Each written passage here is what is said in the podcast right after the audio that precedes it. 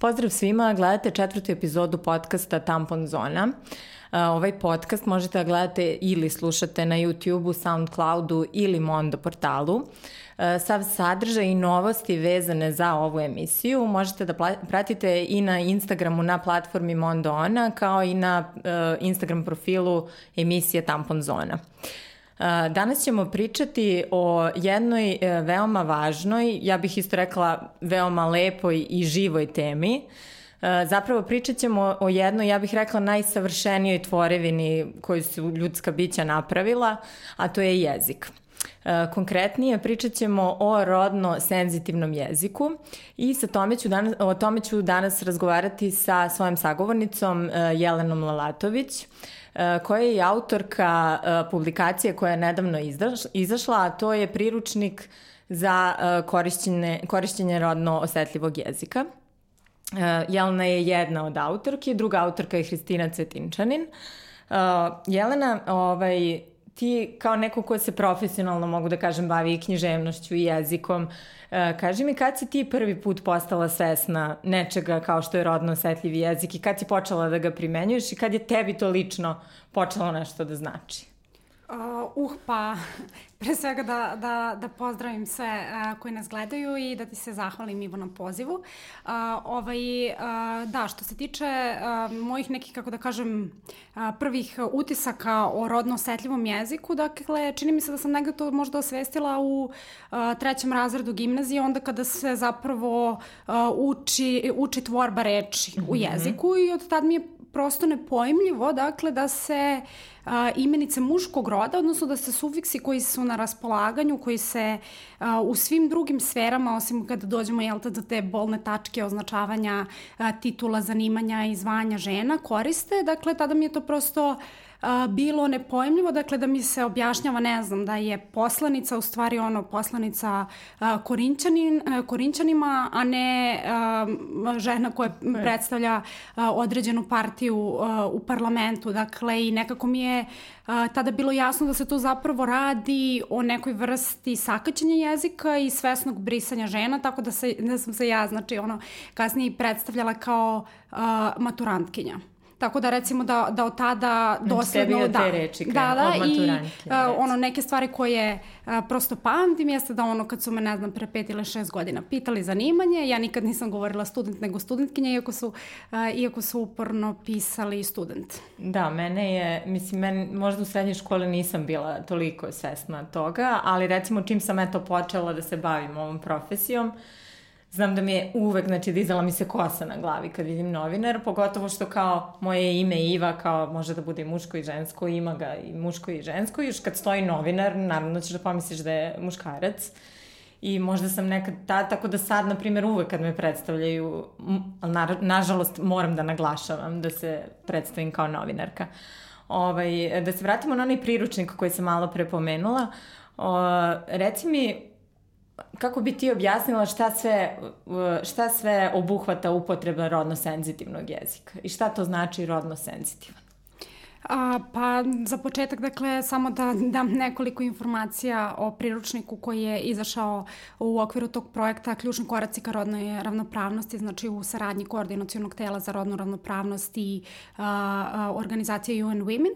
A, ovaj, a, dakle, mislim, a, što se samog pojma rodno osetljiv, rodno senzitivan ili rodno nediskriminativan jezik tiče, postoji jedno poglavlje a, u priručniku o tome. Dakle, to je prosto jezik čijom svakodnevnom upotrebom doprinosimo borbi za vidljivost žena, a time i uh, za demokratiju i jednakost prosto uh, u društvu. Mislim, što se prosto uh, jezika tiče, dakle, negde je naravno posebno jezik koji ima, da kažem, demokratsku tradiciju kakva je naša, znači koji se razvijaju iz nečega što je što je uslovno rečano narodni jezik, ali ne samo to, dakle, jer ipak su svi naši jezici naslednici tog velikog, dakle, jugoslovenskog projekta koji je bio emancipatorski projekat, Pa samim tim, znači, kada razmišljamo o jeziku, čini mi se da uvek treba da razmišljamo zapravo šta tim jezikom jezikom činimo.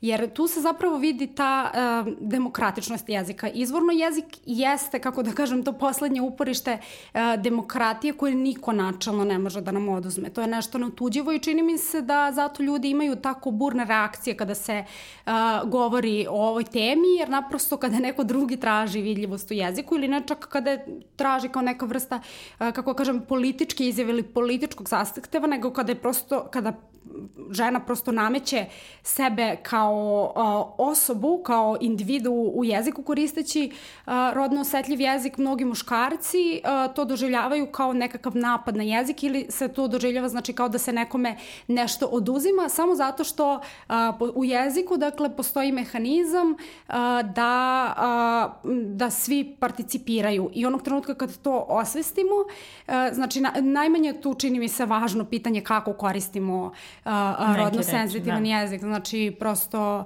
a, feministica ili feministkinja je zaista svejedno koje ćemo te dve reči upotrebiti, ali a, zašto koristimo a, određen jezik i znači a, šta je cilj takvog obraćanja i koji su uzroci, šta, šta osvešćujemo time, to su mnogo bitnije pitanja i čini mi se da zapravo ta pitanja leže u, kako da kažem, temelju čitave te veštački stvorene debate za uh, rodno senzitivni jezik ili protiv njega, a ne dakle neka, kako da kažem, suva gramatička pitanja uh, da li ćemo, ne znam, uh, govoriti uh, profesorica ili profesorka.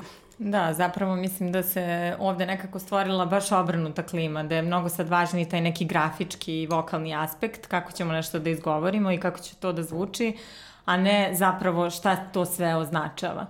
Uh, šta Šta bi ti rekla, uh, mislim ja evo mogu da kažem da ja mislim da rodno e, osetljiv jezik, dakle, je zapravo jedna borba protiv diskriminacije i jedna vrsta podizanja svesti. I mislim da je jezik zapravo vrlo jako oružje podizanja svesti. Uh, šta ti misliš, u kom se, na koji sve način jezik, korišćenje rodno osetljivog jezika može da podiže svet, svest i da, se to, da učestvuje u borbi protiv diskriminacije?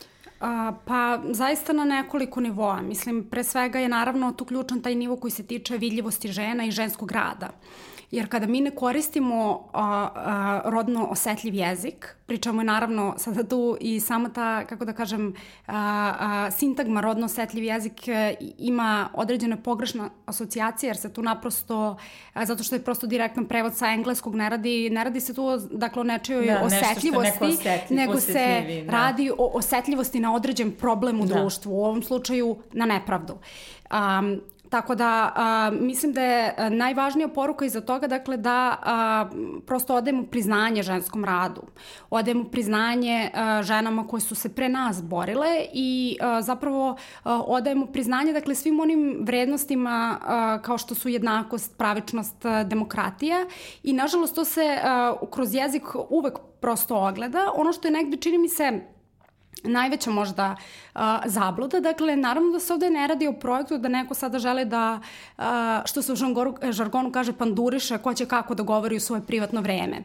Mi nastojimo da promenimo nešto što je jezička norma, odnosno nešto što je standard.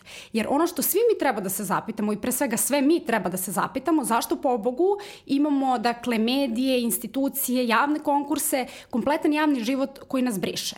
Jer ono što sam zapravo uh, krenula da kažem, dakle, jeste da kada ne koristimo rodno nediskriminativan jezik, mi ovaj, dakle, šta sugerišemo? Sugerišemo da žena u javnom prostoru može biti prisutna samo ako na neki način preuzima određene muške osobine da. ili da se ona prosto već samim tim što je u javnom prostoru je neka vrsta muškarca što je jako jako reakcionarna i pogrešna ideologija koja nas zapravo zaista vraća na neke temeljne nejednakosti i uh, sve vreme ih podgreva. Da, koliko je to zapravo nazadno, to što mi, dakle, ženi koje se bavi određenom profesijom, nazivamo tu profesiju muškim imenom. Dakle, koliko je to, uh, koliko može da bude nazadno i loše i koliko to zapravo, meni se čini da to doprinosi tom jačanju stereotipa i toj uh, nebuloznoj podeli zanimanja na ženska i muška.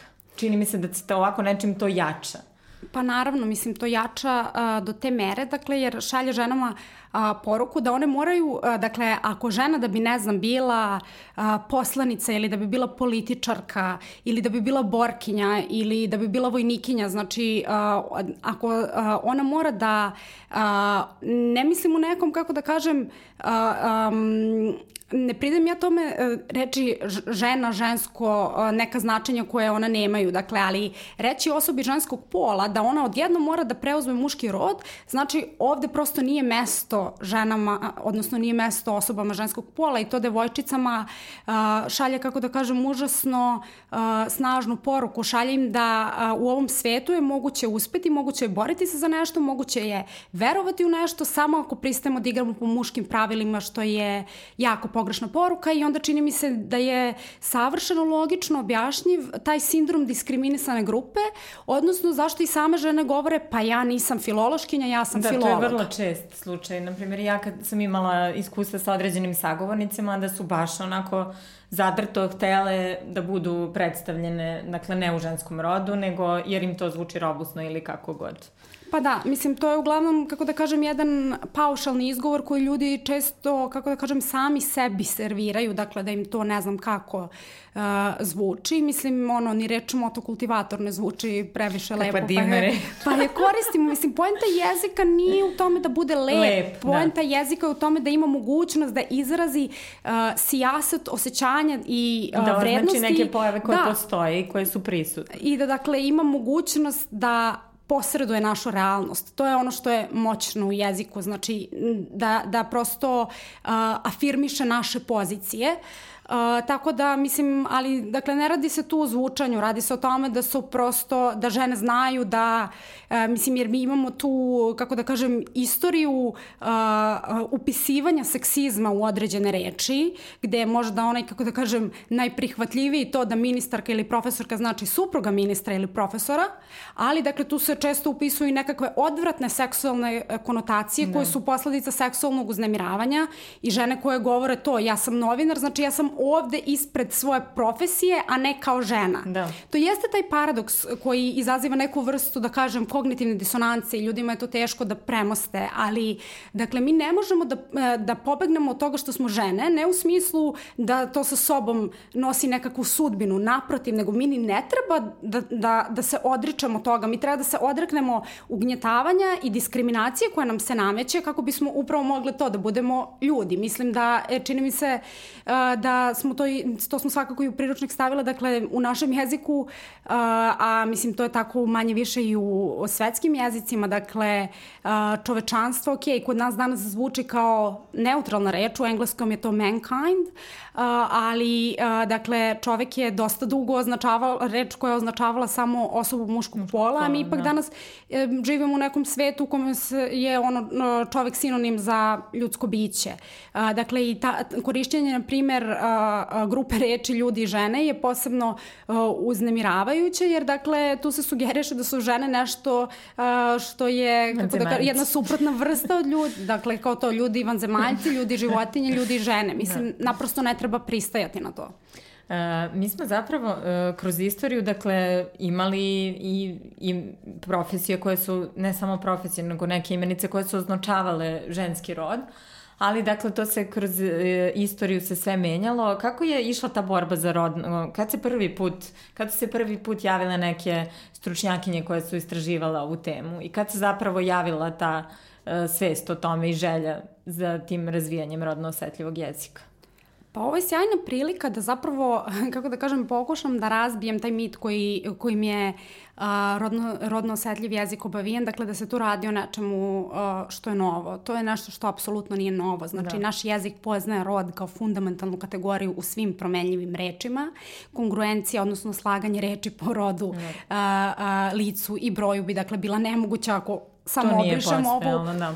kategoriju roda, tako da su ljudi uvek spontano, znači i sa razvojem štampe naprosto izmišljali reči. Mislim, odnosno ne izmišljali, nego koristili postojeće sufikse i svoje postojeće jezičko iskustvo i jezičku intuiciju da označe uh, određene uh, pojmove i određene osobe ženskog pola, pa tako znači je, ne znam, u Crnoj Gori u 19. veku, ovaj, iako je danas, da kažem, junakinja m, šire prihvaćena reč. Da, uh, ovaj, postoji taj oblik junačica, tako da je čitav, kako da kažem, čitav taj pokušaj podsmevanja, kao da li se, ne znam, kaže prevodilica ili prevoditeljka je zapravo, kako da kažem, uh, prosto ne samo da je banalno, nego negira istoriju jezika, da. jer se kroz istoriju jezika govorilo i prevodilica i prevoditeljka, dakle niko ne postavlja pitanje, osim, znači, kao neke vrstu jezičkog kurioziteta, dakle zanimljivosti, da li se kaže prevoditelj ili prevodilac. Pa naravno da može oba.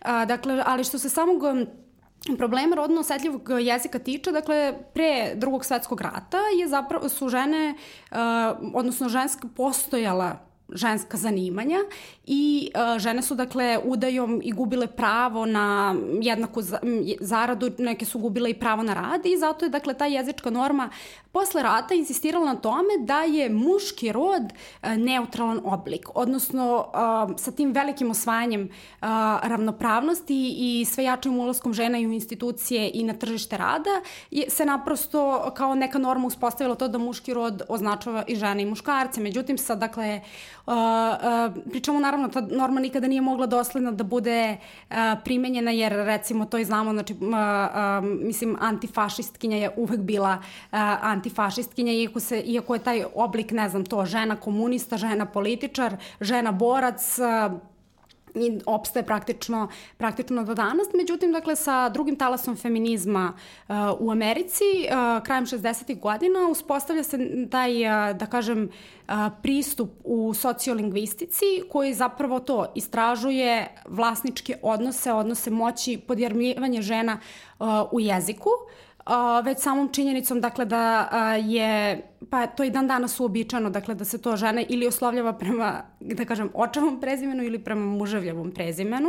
Zato treba izbegavati oblike na ka i Eva, odnosno ova, znači, da. jer su to oblici koji uh, impliciraju uh, svojinu i... Koji se danas baš, rekla bih, rasprostranjeno da, korist. Da, zato što ljudi misle da... Baš nisu svesni šta je tu pogrešno zapravo. Pa da, zato što se sve primenjuje na tako jedan mehanički način. Znači, ako hoćemo sad uh, ženski rod u, u imenicama i u zanimanjima, onda, to, znači, onda treba da ga izmislimo tamo gde ga nema. Znači, da. potpuno je druga situacija za, ne znam, ruski ili češki jezik koji apsolutno poznaje znači rodno senzitivne oblike prezimena i onda ne možemo to uh, ne možemo to da da, da izbrišemo, ali kod nas dakle imamo ta uniformna prezimena i treba tako da ih koristimo čak i ako žena znači promenila prezime, uh, mislim, nije promenila ličnost. Dakle, ona je i dalje ista osoba i treba da je oslovljavamo prezimenom u nominativu ili, ili imenom, imenom i prezimenom. I prezimenom da. A kod nas, dakle, istraživanja o polu i jeziku počinju pa krajem 80. godina, dakle, da je svakako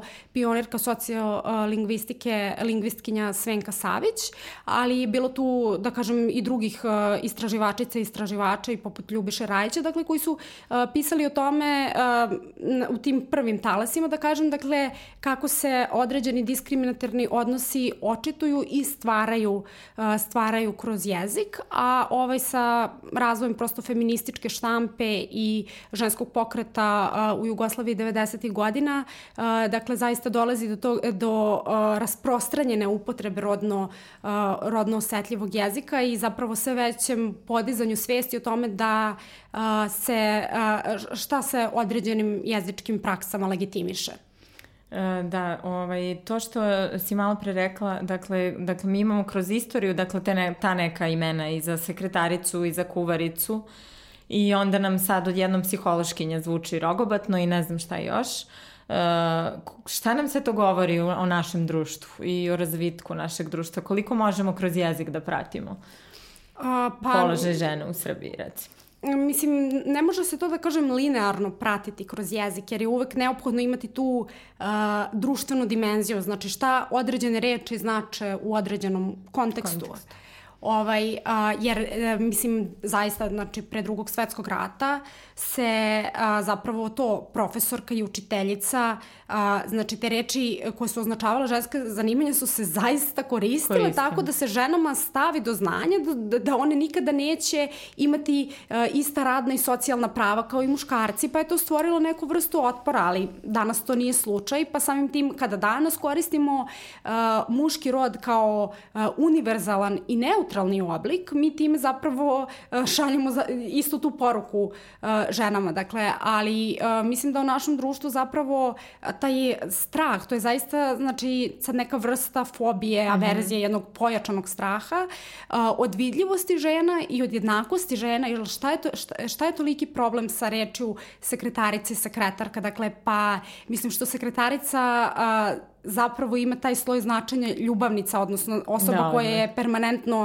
uh, seksualno uznemiravana na, na svom radnom mestu i uh, zapravo m, svaka promena u jeziku treba naravno da bude praćena i uh, adekvatnim društvenim zaokretima, ali taj proces nije jednosmeran, znači tu, tu postoji izvesna uslovljenost i čini mi se da je zapravo uh, ta mogućnost da dakle samo na jedno, u jednom simboličkom sistemu i u jednom sistemu predstavljanja koji nije, dakle, ekvivalentan, nije jednak realnom, realnom svetu, ali se uspostavlja jasna veza između, između ta dva. Dakle, samo ta mogućnost da tu objavimo potrebu za jednakošću ili da tu iskažemo to da se osjećamo i smatramo i da zahtevamo da budemo jednake kod ljudi zapravo, kod ljudi zapravo izaziva tu vrstu histeričnog odbijanja da se uopšte o upotrebi rodno osetljivog jezika razmišlja. Da, najčešći uh, najčešći neki taj argument koji ti ljudi kojima smeta rodno osetljivi jezik je da njima to zvuči rogobatno, robusno, ne znam ja kako sve. Uh, Uh, ovaj, I to kod nekih određenih, pa ne znam a, koja reč tačno, znam da ja uvek nešto sam često koristila tu borkinju ili ne znam ja šta i to su svi hvatali za glavu. Ovaj, koje su te neke najčešće zablude koje se javljaju kada je rodno sensitivni jezik u pitanju?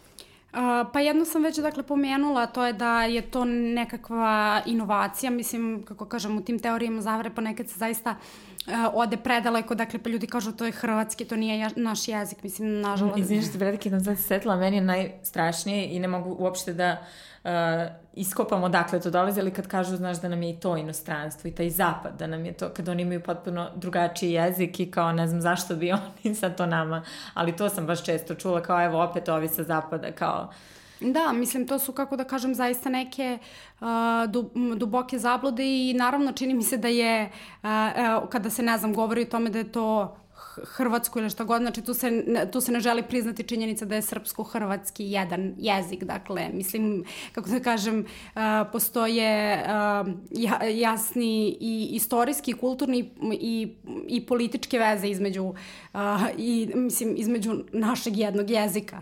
Ovaj, tako da, da, što se tiče tih zabluda, tu je, čini mi se, pre svega problem dakle, da se insistira na tome da je suština u zvučanju, a ne u značenju i da se zapravo taj, uh, um, da kažem, estetski uh, moment toliko ističe da se sve vreme zaboravlja šta, šta je zapravo suština, uh, suština tog jezika, jer, uh, mislim, uh, način na koji te reči nastaju, kako se one grade u jeziku, znači vojnikinja i borkinja, je izgrađena istim uh, sufiksom od reči uh, vojnik i borac, kao što je reč pesnikinja izgrađena sufiksom kinja i linja od uh, reči pesnik. Uh, tako da uh, ono što prvo treba da se zapitamo ako nam to nešto smeta, znači nije to jezik da. što nam smeta u tome. Ovaj, a, što se ostalih a, zabluda tiče, znači jeste da se na taj na, na, da se na neki način jezik kvari ili da je to nešto neprirodno, da je to nešto što se nameće.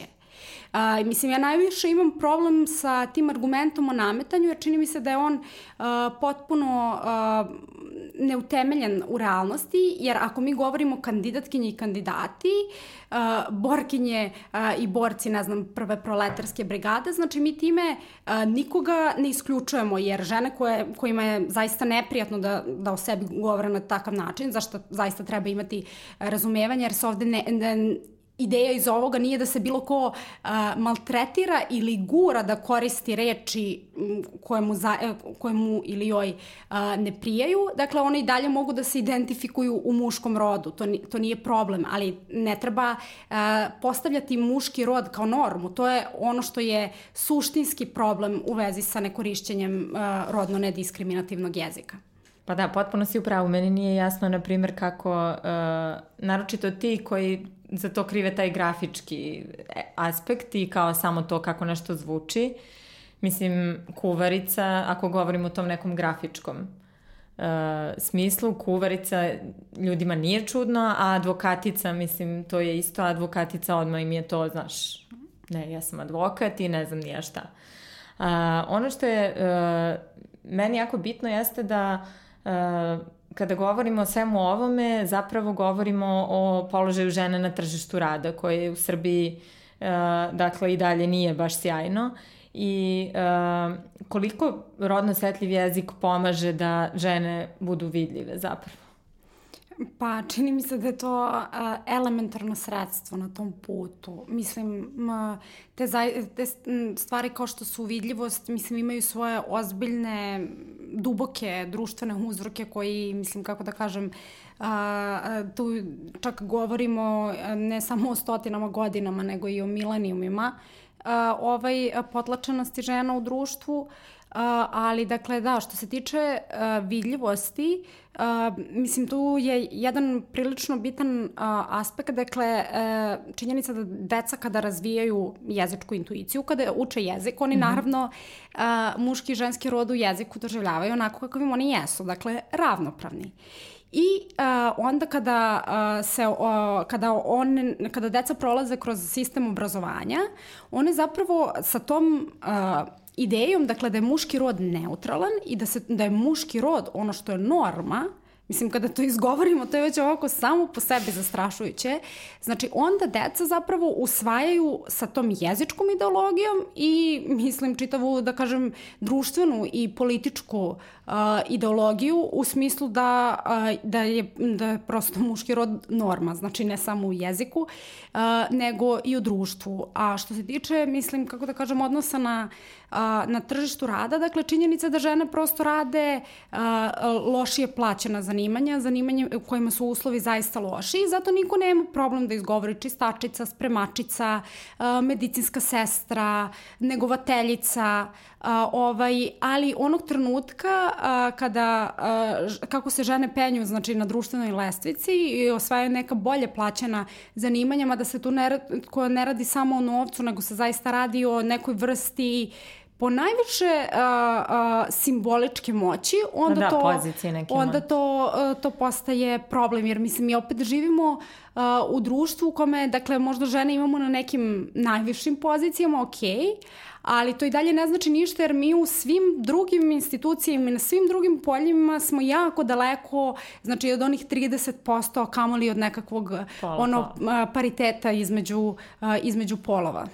Uh, sad si pomenula medicinske sestre, baš sam to pročitala u priročniku i baš mi je bilo zanimljivo, dakle da Dakle, medicinske sestre su pre uglavnom obavljale žene ta, tu vrstu posla, a sada, dakle, ima i e, takozvane medicinske braće, ali se oni nazivaju medicinskim tehničarima, dok je medicinska sestra ostala medicinska sestra. Ja zapravo stvarno nikad nisam čula da postoji medicinska tehničarka, da ju je neko tako nazva. A, pa da, mislim, kod nas je to, kako da kažem, verovatno a, vezano za tu, a, kako da kažem, spe, specifičnu ustrojenost patrijarhata na mhm. Balkanu, mm. odnosno i koja je to uloga sestre. Znači, da medicinska sestra u stvari metaforička sestra, znači jedna univerzalna negovateljica ljudskog roda.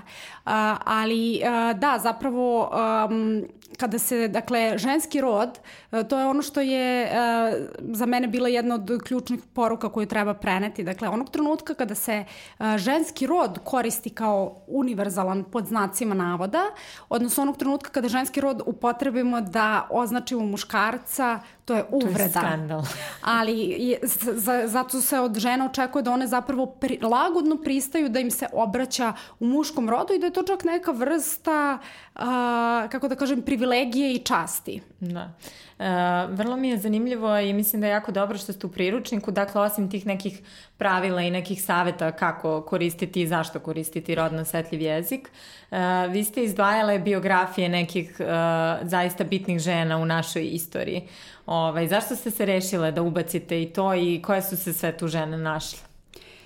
Pa za nas je iz naše prosto feminističke perspektive dakle, užasno bilo važno da pokažemo kako drugi procesi koji nisu samo jezični, koji se ne tiču jezičke ideologije, ne tiču se standarda, nego se, dakle, tiču širih društvenih procesa i te priče i o tržištu rada i o nekim dubljim nejednakostima i koje se tiču, dakle, istorije ugnjetavanja žena, dakle, da to postane vidljivo iz odnosno da prikažemo žene koje su se protiv toga borile, da pokažemo dakle da je a, ovo što mi danas radimo a, takođe jedna vrsta doprinosa a, toj borbe. borbi.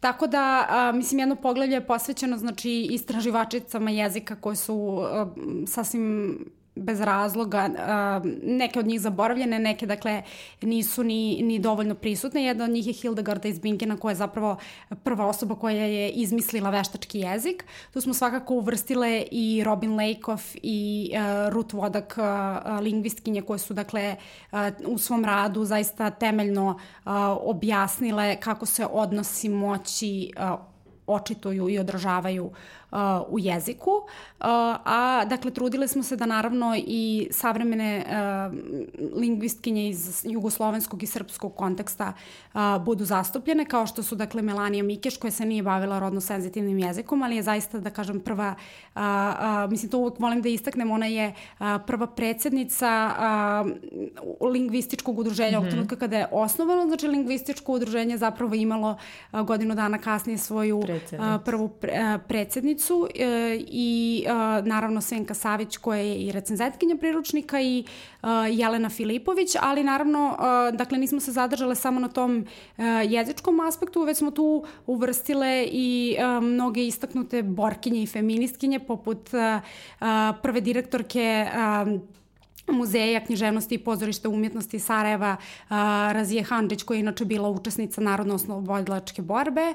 Uh, tu smo uvrstile uh, i uh, Biljanu Dojčinović koja se prvo bavila odnosom roda i književnosti, dakle uh, Sonju Drljević, uh, feministkinju i mostograditeljku, jednu, uh, uh, mislim, građevinsku inženjerku koja je dakle učestvovala u uh, projekciji mostova kojima svakog dana uh, hodamo u Beogradu i koja je isto tako bila strastvena ne samo uh, u, u izgradnji zemlje nego i zaista u izgradnji uh, prosto jednakosti i uh, izuzetna borkinja koja nas je pre nešto više od dve godine, nažalost, napustila. I naravno svakako smo insistirale dakle na tome da se, da se to radi na način koji je prosto prijemčiv. Odnosno, gledali smo da pišemo tako da pošto se naravno preporuke uh, više odnose dakle na institucije, medije i na sve one koji imaju nekakvu moć nad jezikom, a ovaj prvobitni deo je, uh, gledala smo znači da bude u formi uh, priče, odnosno uh, da uh, zaista ljudima bude prijemčiv bez obzira na nivo formalnog obrazovanja i da se kroz uh, te a, narative o, o borbi određenih žena i o kolektivnoj ženskoj borbi a, zapravo ukaže na to kakve veze ima upotreba rodno osetljivog jezika da, ja i da je, borba za jednakost. Da je to jako važno što ste uradili i da samim tim onda priručnik ne izgleda kao neki učbenik gde vi sad treba da naštrebate nastavke kako se gradi naziv neke profesije, profesije u ženskom rodu, već je zapravo e, to suština dakle cele priče, da jezik dakle nije samo ta jedna reč i koji ćemo nastavak da dodamo i kako će to da zvuči, već je dakle, to jedna mnogo dublja i šira stvar. Tako da mislim da su te priče upravo to pokazale zapravo. Uh, druga, jedna druga strana priče koju smo nešto malo prepomenule jesu te dakle, institucije i ta standardizacija jezika. Uh, Sad ja nisam uspela, uh, da li, nisam uspela da nađem i ne znam, uh, da li postoji neki dokument kojim je kao rodno senzitivni jezik kao preporučen ili je kao usvojen ili tako nešto, da li postoji neka vrsta takve standardizacije uh, ili ne? Pa iz striktno jezičkog ugla ne. Uh -huh. a, ono što mi jesmo stavili u priročnik jeste dakle da postoje e, preporuka zaštitnika građana iz 2010. godine, ako ne grešim, a, koje se dakle tiču upotrebe nediskriminativnog jezika, uh -huh. ali ono što je zaista problem sa standardizacijom jezika i načinom a, na a, koji se dakle rodno osetljiv jezik doslovno demonizuje, a, jeste u, u tome što je to zaista zaista odraz uh, norme kakvu imamo. Ne norme, mislim, ovako same po sebi, uh, nego način na koji se jezik zapravo uči u školi uh, i način, uh, na koji ljude, način na koji ljudi usvajaju predstave o jeziku, jer ono što ljudi misle da je suština jezika, zaista da vi to, ne znam, uzmete, naštrebate rečnik i pravopis i onda jednostavno ismevate ljude koji nisu tako dobri u gramatici, a jezik je naprosto nešto mnogo, mnogo više od toga i daleko moćnije sredstvo i zaista, naravno, jedan takav pristup koji uh, sakati jezik i koji uh, sakati, dakle, um, bilo kakve kritičke sposobnosti, logično je da takva vrsta jezičkog obrazovanja proizvodi ljude koji, koji na svaki pomen govore o tome šta mi činimo svojim jezikom i koliko je zapravo to realno, jer ako samo pogledamo kako se, ne znam, muškarci obraćaju ženama na internetu i šta oni sve pišu po društvenim mrežama, onda stvarno nije čudno zašto je toliko muškog nasilja prema ženama. To je jedan kontinuum, jer onako kako mi govorimo, onako kako mi pišemo, mi tako vidimo svet, a kada vidimo svet na određen način iz toga razvijamo a, čvrsta uverenja, u ovom slučaju vrlo ženo-mrzačka uverenja, a, prosto je nemoguće da to u nekom trenutku ne pređe u fizičko nasilje i odakle a, od ono prosto, a, kako da kažem, od jezičke prakse do fizičke prakse. Da, e, to sam zapravo još htjela da te pitam. Dakle, šta je sem tih, dakle, naziva profesija koje smo pomenule, uh, tim, uh, osim što jezik uvodi novine, ja mislim da je Senka tako nešto čak i rekla da sam videla u vašem priričniku, da, osim, da jezik osim što je navika, da je odvika isto, da, da treba nešto i da se izbaci. Uh, dakle, koje su, to ne, koje su to neke fraze ili neki termini ili načini izražavanja koji doprinose dakle, ovim stereotipnim predrasudama nekim ili, ova, ili tom doprinose nekom rasplomsavanju nasilja ili ne znam nija čega, koje bi trebalo eto, da se odreknemo toga prisutno. A, pa mislim, naravno, to su u našem jeziku pre svega stereotipi prema, ne znam, Romima, a, Bošnjacima, Albancima i ono što je u tim stereotipima često vidljivo, dakle, jeste spoj te mržnje prema ženama i etničke mržnje. A, mislim, koja je najčešća uvreda koju žene a, dobijaju ovaj, a, na internetu, dakle, to, to je taj, da kažem, šešeljevski diskurs, to ne znam, ustaška kurva, šiptarska kurva a, i tako to. A, ovaj, a, tako da, mislim da naravno treba a, izbegavati bilo kakav govor koji stereotipizuje čitave grupe ljudi, a, jer to uvek ima neko uporište u realnosti. Prilično je, da kažem, indikativno indikativno to što, ne znam, nijemo a, ovaj, stereotipe i predrasude u jeziku o islanđanima, ali ih zato imamo, znači, o, a, mislim, narodima iz svih bivših jugoslovenskih republika. A, naravno, a, kada je, dakle, kada se radi o javnom govoru, trebalo bi, dakle, i naravno izbegavati navođenje bračnog para, dakle, kao, ne znam, Ana i Pera Perić, jer, jer žena nije privezak u tom braku, ona je zasebna individua, trebalo bi takođe naravno izbegavati dakle svojinske oblike za ženska prezimena, konstrukciju ljudi i žene, to sam već napomenula.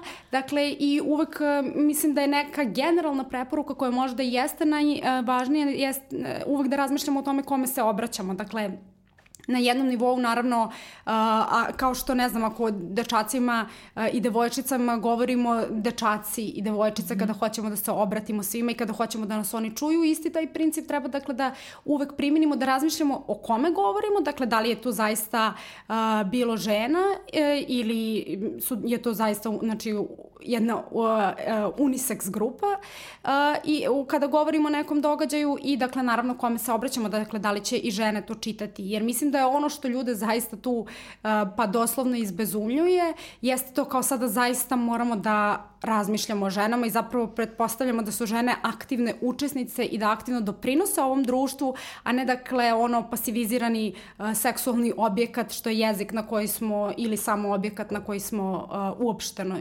naviknuti. E, kad sam malo pre promen, pomenula institucije, dakle, e, imali smo slučaj da je Sanu izdao 2011. to neko saopštenje kako je rodno senzitivni jezik gramatički nepravilan, ne znam kako, i onda neki zvaničnik rekao da je to uh, lingvistička banalizacija ili ne znam kako je nazvao rodno setljiv jezik. E, zapravo je to dakle bilo neko saopštenje iz 2011. koje se povampirilo 2017. 2017. Da. I onda su ih čak, ne znam, Sijaset medija je čak preneo, e, šerovalo se po svim društvenim mrežama i tu je opet se dakle povampirila ta mržnja prema, i odbojnost prema rodno senzitivnom jeziku. E, šta je uopšte bila ta odredba? Šta se to tada desilo? Jel sad kao, mislim, nije, rodno senzitivni jezik nije gramatički nepravilan. Kako se pa desilo? Pa naravno da nije. Da. Gomila, ovih čin, e, gomila ovih imenica je dakle standardizovana i u pravopisu Matice Srpske. Mm -hmm. A, mislim, naravno oni su onako pametno uh, uspeli da ne standardizuju reči koje možda ljudima najviše paraju uši, uključujući psihološkinju i vojnikinju, ali gomila reči, poput reči anarhistkinja, komunistkinja, feministkinja, sve postoje u pravopisu. U pravopisu takođe postoji reč vrtlarka, dakle što nije reč koja se zaista čuje u svakodnevnom govoru.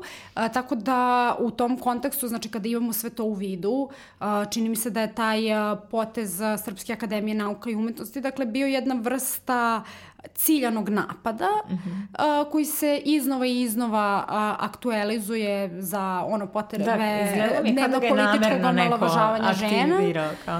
Uh, ovaj, znači, uh, i da prosto, mislim, to je zaista besmisleno, znači, jer uh, način na koji su oni reagovali nakon toga kada ih se pozvalo na odgovornost, mnogo govori o tome uh, uh, kako... Oni nešto nisu imali komentare. Pa to, kako te da. nedemokratske institucije uh, funkcionišu. Dakle, oni misle da mogu da urode što hoće kada ih se pozove na odgovornost, onda su oni glumili žrtvu i rekli, pa eto sad, uh, davali su samo niz, niz izgovora, uh, a, a, sa druge strane ono što zaista jeste porazno, dakle da sa takvog mesta, bez obzira što je naravno legitimno pravo svake od nas da nemamo nikakvo poverenje a, a, u institucije, dakle da ipak sa jednog takvog mesta dolazi a, takva paušalna ocena koja nema veze sa realnošću, i da to zaista prolazi kao neka vrsta referentne tačke. To jeste ono što je problem i to nije nimalo bezazlazno, bez, e, bezazlano, a, zato što, mislim, kako da kažem, jezik je tu možda najlakše pitanje i možda lakmus papir, ali to se zaista radi i u, a, i u mnogim drugim sferama i a, to je nešto na što ne treba da pristanemo. Da, i koliko je zapravo važno i koliko je danas prisutno da, na primjer, od nekih e, zvaničnika iz javnog sveta ili iz medija ili, ne znam, izdavačke kuće, recimo, koliko one koriste rodno senzitivni jezik i koliko je važno da ga ovakve ustanove koriste? Za, da, za ustanove koje se dakle direktno bave mislim stvaranjem i promocijem pisanja reči, a samim tim i uh, onoga što je standard javnog govora, to je izuzetno važno. Uh, čini mi se da mnoge uh, izdavačke kuće makar među ovim uh, novijima svakako i, i određene televizije zaista počinju da koriste i, i određeni štampani mediji zaista mm -hmm. uh, koriste rodno osetljiv jezik. Međutim, ono što je podjednako bitno i što smo mi uh, uh, istakle u priručniku, dakle da nije bitna samo upotreba rodno osetljivog jezika, da je tu uh, važna i doslednost upotrebe, jer ako se on a, ne upotrebljava dosledno, onda to naprosto stvara previše konfuzije i a, negde sasvim posredno uh, šalje poruku da zapravo ipak postoje neka zanimanja koja uh, a, nisu uh, adekvatna za ženski pol, odnosno za ženski rod i koje treba izbjegavati u ženskom rodu i onda je to zapravo uh, mnogo, mnogo veća zbrka nego što, nego što zaista koristi. Jer naravno već znamo da nikad niko na svetu neće reći uh, ovaj, uh, učit, učitelj za učiteljicu. A e, kad govorimo o regionu, dakle, ja uopšte ne znam kakva je situacija, na primjer, u Hrvatskoj i Sloveniji. Dobro, za Crnu Goru možda i znam. Ali u Sloveniji se nešto desilo da su oni jedno vreme čak koristili ženski rod kao pa, šta, nešto sam uh, mislim, to... s izuzetkom, dakle, Srbije, da. uh, to Crna Gora, Slovenija, Bosna i Hercegovina, uh, Hrvatska, uh, sve te zemlje imaju uh, dokumente koji ih obavezuju uh, uh mhm. -huh. na upotrebu rodno osetljivog jezika u javnom govoru. Dakle, mislim da to treba da ponovim ne znam koliko puta, jer se ovde zaista ne, ne radi u potrebi da se kontrolišu pojedinačni uh, ljudi, da se ljudima zaista ono, zadire u njihov intimni odnos sa vlastitim jezikom, jezikom, nego da se prosto neki strukturni, strukturni problemi adresiraju. A što se Slovenije tiče, to jeste taj zanimljiv fenomen da kada su na dakle, fakultetu umetnosti, ako se ja ne varam, uspostavili gramatički ženski rod kao univerzalan, dakle da se odnosi i na, na žene i na muškarce, da su u stvari muškarci shvatili šta to znači, pa su onda pitali da li, a, pa što ne može i jedno i drugo, dakle, ali onog trenutka kada mi govorimo za, i muški i ženski rod, to se naprosto shvata kao manje važno, kao i relevantno, ali samo kada se ta slika zapravo predstavi kao odraz u ogledalu, onda, se, onda čini mi se da stvari vidimo jasnije i da vidimo, da vidimo šta to znači. Mislim, Mm-hmm.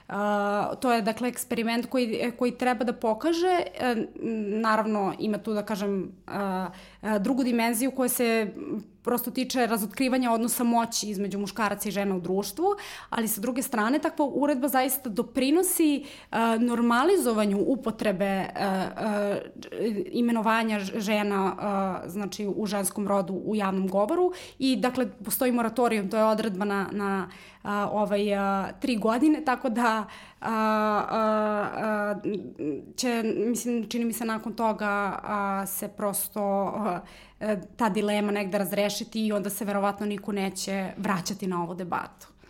Uh, neko mi je baš na Twitteru je skoro napisao i ja nisam znala tu odgovor na to pitanje, ali da ako je sudija u ženskom rodu, za, zašto postoji sutkinja? Šta je sa takvim primerima? A, pa da, to su takozvane a, znači imenice a, koje su a, u gramatičkom ženskom rodu, ali prirodno su muškog roda. Da. Tako stoji u gramatici, dakle da su, o, o, e, to je m, naprosto posledica jednog istorijskog razvoja a, a, a, događaja a, i činjenice da opet te imenice kada se slažu o, sa pridevima, one zahtevaju muški rod. Dakle, e, iako, a, mislim, se menja po a, a, trećoj deklinaciji, odnosno menja se kao imenica ženskog roda, ipak je taj sudija, dobar sudija, loš da, sudija. Da, sve što ide I uz zato nam je, rodu, zato nam da. je potrebno da imamo i sutkinju, odnosno, jer ta sudija um, za, da. je zapravo rečenica koja je... Ali ni nema tom... nešto mnogo tih primjera koje su gramatičkog pa da, to su, znači, roda, baš ih je malo, rekao da, da. To, je, to, je, to su zaista imenice koje mogu da se nabroje na prste jedne ruke. E, da li postoji neki, e, pošto ja to znam, mislim, meni sad to, na primjer, isto nije jasno, jer ja nekako kad želim i kad hoću neku profesiju u ženskom rodu da kažem nekako meni to ispadne iz usta, nemam pojma, ne, ne znam sad, ne znam neka pravila na pamet, niti tražim kako se pravilno, ali znam da dosta ljudi kao jao, je li pravilno ovako ili onako, da li postoji neki registar gde eto, neko ko nije siguran može da vidi kako se pravilno, da li se kaže psihološkinja ili psihologica ili ne znam kakve god dileme da ima.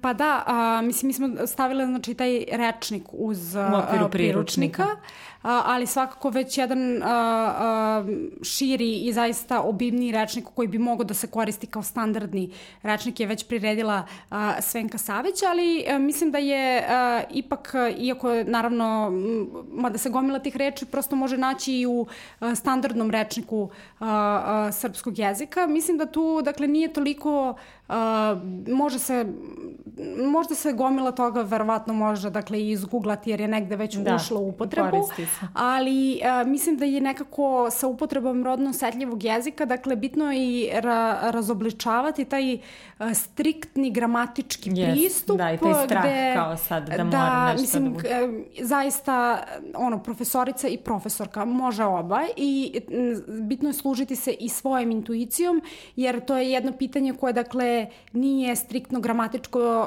pitanje i ono na čemu sve vreme insistiramo kada govorimo o rodno osetljivom jeziku jeste da je cilj jezika što bolja, što bolja prezentacija realnosti, što precizniji govor i što veći stepen razumevanja i poštovanja drugih ljudi između ostalog u ovom slučaju žena i to je ono što je zapravo suština rodno osetljivog jezika, a ne dakle da li ćemo, ne znam, govoriti psihologinja ili psihološkinja. Dobro, ja sam imala jednu dilemu za tebe koju nikako da saznam to da li se kaže superheroina ili superherojka. A, pa daj, um, mislim, evo reći ću... Meni se više sviđa uh, herojka, zato što mi je nekako, ako je super heroina, onda mi je muški rod super heroin, a ne super heroj. Ne znam, tako pa, sam nekom da, logikom to, došla da, na to. to je zato što je to opet, naravno, reč koja je preuzeta iz stranih jezika, da. ali recimo da može i super herojka i super heroina, iako će naravno uvek pre biti narodna herojka nego narodna heroina, ali da. meni je lično, na primjer, taj oblik narodna heroina izrazito drag. Taj ti je draži, da. Dobro.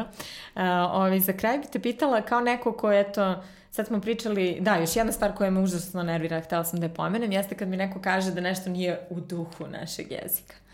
E, I mislim da je jako bitno da se oslobodimo tog duha iz prošlosti našeg jezika, jer mislim da je jezik stvar koja živi u današnjem i ovom trenutku i koja treba da se menja i da bi stvarno bilo strašno da je jezik zarobljen u nekim minulim vremenima i da se ne pomera sa te tačke. Tako da htela bih tebe da pitam lično, eto, kao neko ko se bavi jezikom, e, profesionalno, šta tebi lično jezik znači? Eto, kako bi ti opisala jezik? Ah, pa mislim za to mi treba još jedna poetičan misija, ali uh, pa mislim kako da kažem jezik uh, uh, opisala bih to ne znam kao odnos jedne uh, iscrpljujuće bezuslovne ljubavi, ali mislim za mene kada razmišljam o tome kakvu moć ima jezik i kako se mi formiramo kroz jezik to nije samo otkrivanje ranjivosti, znači to nije samo prepoznavanje nekakvih odnosa moći ili načina koji su oni a, preslikani iz društvene realnosti u naš individualni govor, pa na kraju krajeva i u javni govor. Ono što bavljanje jezikom uh, omogućava, dakle, jeste i osveštavanje, a, odnosno osvešti, osvešćivanje a, a, te moći a, koju a, svaka od nas i svako od nas ima i to je ono što je suštinski zavodljivo u jeziku i a, to je ono što jezik čini možda najdemokratičnijom tvorevinom ljudskog društva i inače. Hvala ti Jelena puno na ovom razgovoru, a mi se vidimo sledeće nedelje.